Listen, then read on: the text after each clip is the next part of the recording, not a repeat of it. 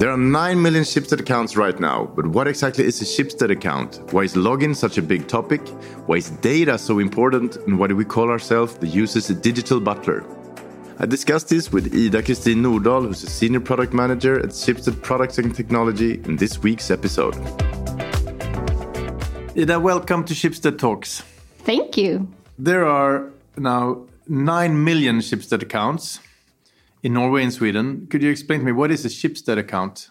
So, at its core, Schibsted account is Schibsted's own login and identity solution, Yeah. and our users' way to log in and identify themselves within and across our brands.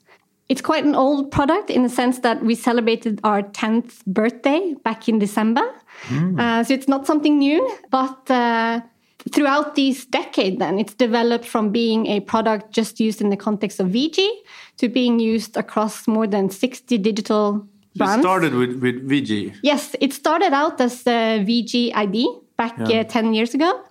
And then they first they onboarded Vektklubb, and then from there it just expanded. I'm a digital subscriber of, of Svenska Dagbladet and Aftonbladet. Does that mean that I have a Schibsted account? So if you log in to Svenskan or the Aftonbladet, Yeah. then you do that with your Schibsted account. Okay, so I actually have one. I'm, I'm Yeah. one of the 9 million then. Yes.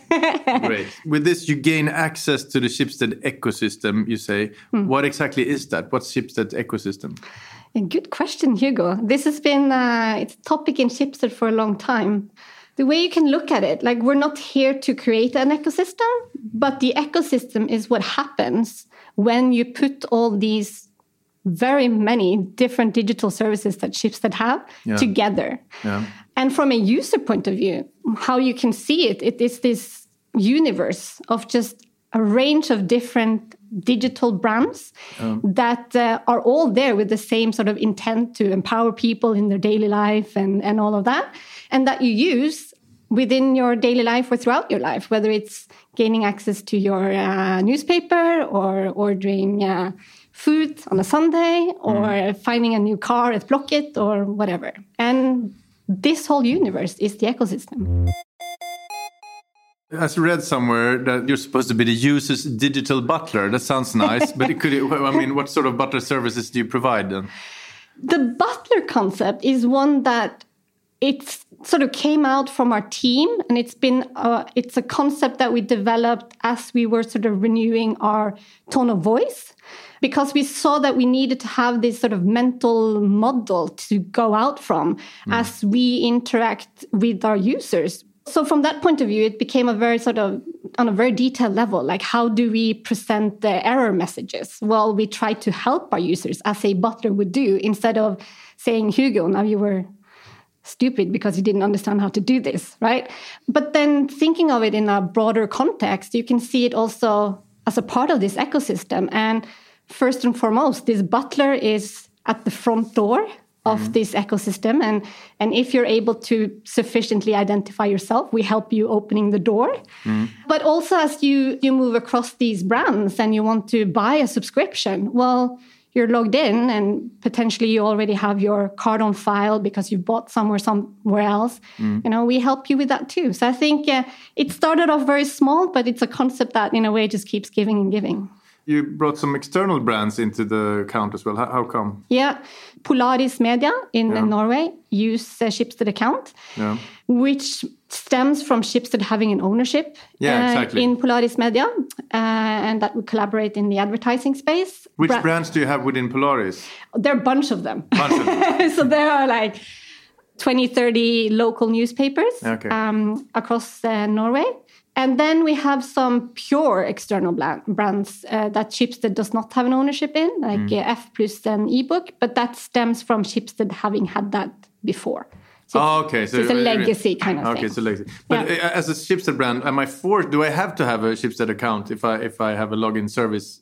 As part of the data strategy, Schibsted account has been defined as uh, one of these mandatory building blocks that brands should use because it's so essential and fundamental for us to be able to identify our users in the same manner across our sites. Mm-hmm. So, in that sense, you can say yes, but it's always this debate. You know, does it make But does uh, everyone have it then?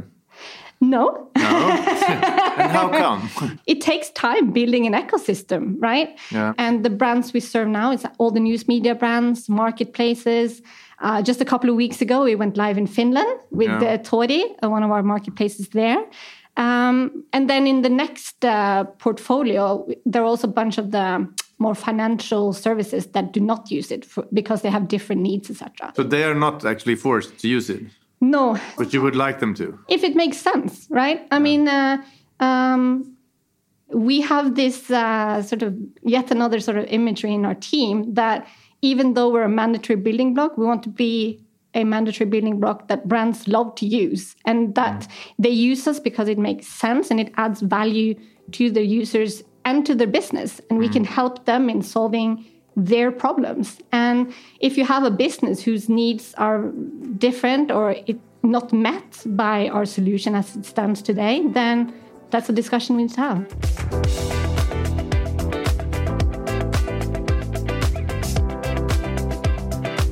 Why exactly are we doing this? Is it we're collecting data? What, what's the greater purpose of this?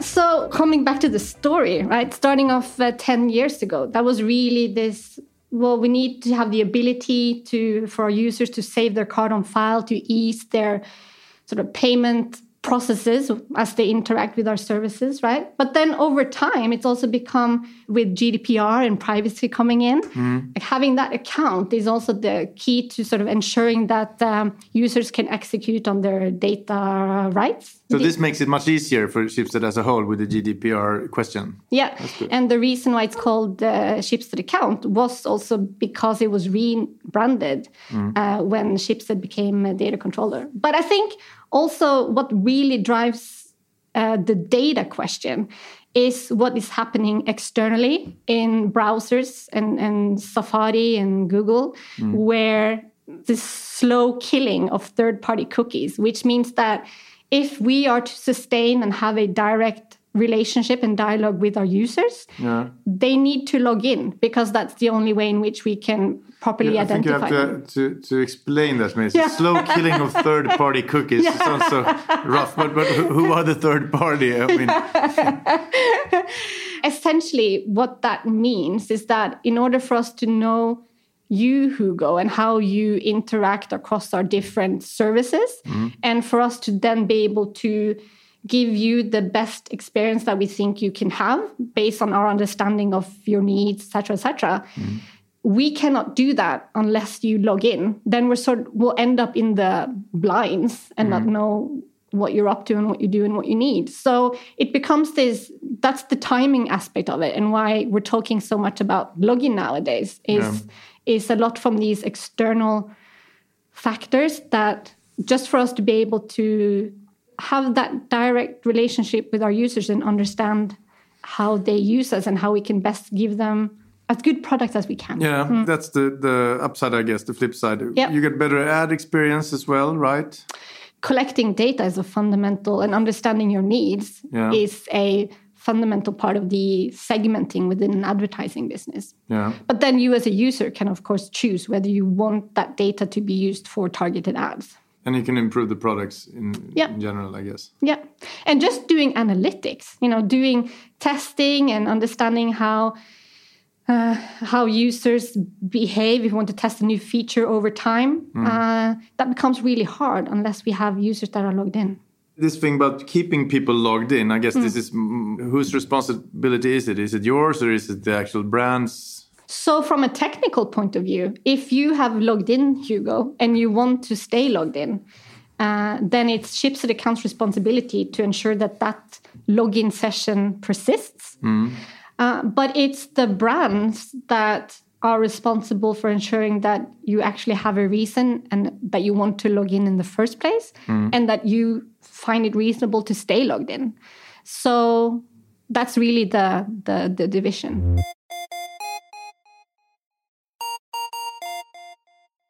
Back to my first question, or something, the, the, I really didn't really understand that I was uh, had a Schibsted account. Yeah. Uh, but I am a, subscriber of Aftonbladet and Svenska Dagbladet. Is that a problem? Would you say that I didn't really get that? Well, I guess the question is: Is it a problem for whom? and in Yeah. what context. and I guess whether you find that problematic is a bit up to you to assess. Uh, my hint would be maybe not Not really, no. because you got access to your subscription and you're happy you managed to do the job that you wanted to do. Is it problematic from a Schibsted account point of view? Yeah. I would say yes, because if you don't fully understand that you interact with something that is bigger or different than Svenskan or Aftonbladet uh, when you log in and you're in that state, then also when you go to Blocket, then you don't recognize. I would believe that you can there also use your Schibsted account to log in, which would at least make your perceived uh, impression of the friction to enter Blocket in a logged in state higher than it necessarily is. But then also from a Schibsted point of view, with our data strategy uh, and the key to this making us greater than the sum of our parts, that we can uh, share and use data across brands. To do that in a privacy compliant manner, we need to do what we can to ensure that our users understand that full context and how we use and leverage the information about how you interact with our products across Schibsted. 9 million accounts today. Yeah. What are you aiming for? Well, now we're in the process of establishing our foundation in Finland. Uh, with the onboarding of Tori, we'll be migrating some two and a half million accounts in Finland as well. Yeah. And then we're also in dialogue with, let's see what happens with Denmark as, as Schibsted have, have acquired um, uh, marketplaces there as well.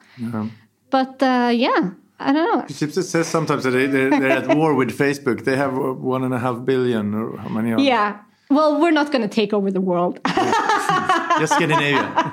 yes, we're focusing on Northern the Europe. Nordics. Yeah. Hmm. Hmm. Great. Thank you so much for coming to Schibsted Talks. Thank you for having me.